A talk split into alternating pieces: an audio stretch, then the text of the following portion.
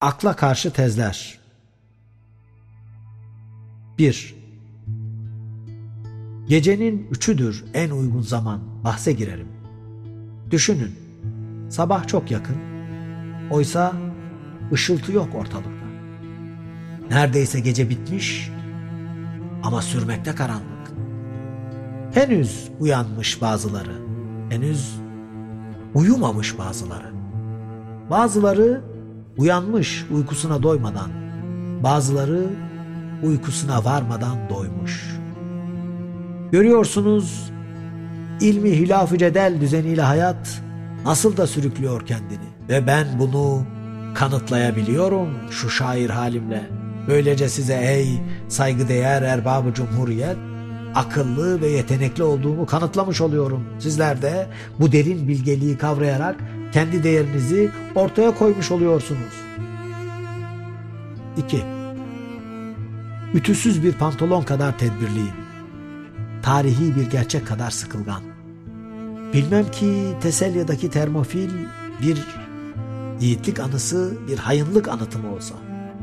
Yine bilmem kuantum kuramını öğrenen insan haklı mıdır kendini ardıç kuşu sanmakta? Ben 20. yüzyılın sonlarında en uzak uyanışlar ikliminde yaşadım. Bir imparatorluk genişliğindeki gençliğim sırasında kadınlardan daha çok birinci şubeye vardım. 3. En mutlu insanlar belki de baca temizleyicileridir. Öyle dar, öyle kara, karanlık bir yerdedirler ki yüreklerini geniş, dayanıklı, aydınlık tutmak zorundadırlar. Buna yükümlü sayarlar kendileri. Baca temizleyicileri başkalarını sevmekle kalmaz, başkalarınca sevilirler aynı zamanda. Çünkü herkesi düşünmeyecek kadar mutlu, herkes tarafından düşünülmeyecek kadar mutludurlar. 4. Köylülerin için öldürmeliyiz. Bu sorunun karşılığını bulamıyorum. İçinden çıkılmaz bir olay ama önemsiz. Köylüleri öldürmesek de olur. Hatta onların kalın suratlarını görmezlikten gelebiliriz. Yapılacak çok şey var daha.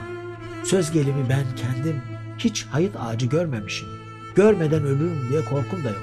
Değil mi ki Albatros'u Baudelaire'den, Yves Bonfoy'dan Zemender'i öğrendim. Bir gün bakarsınız şu güzelim bilgiç beynimi kırıp teneşir tahtası olarak kullanabilirim.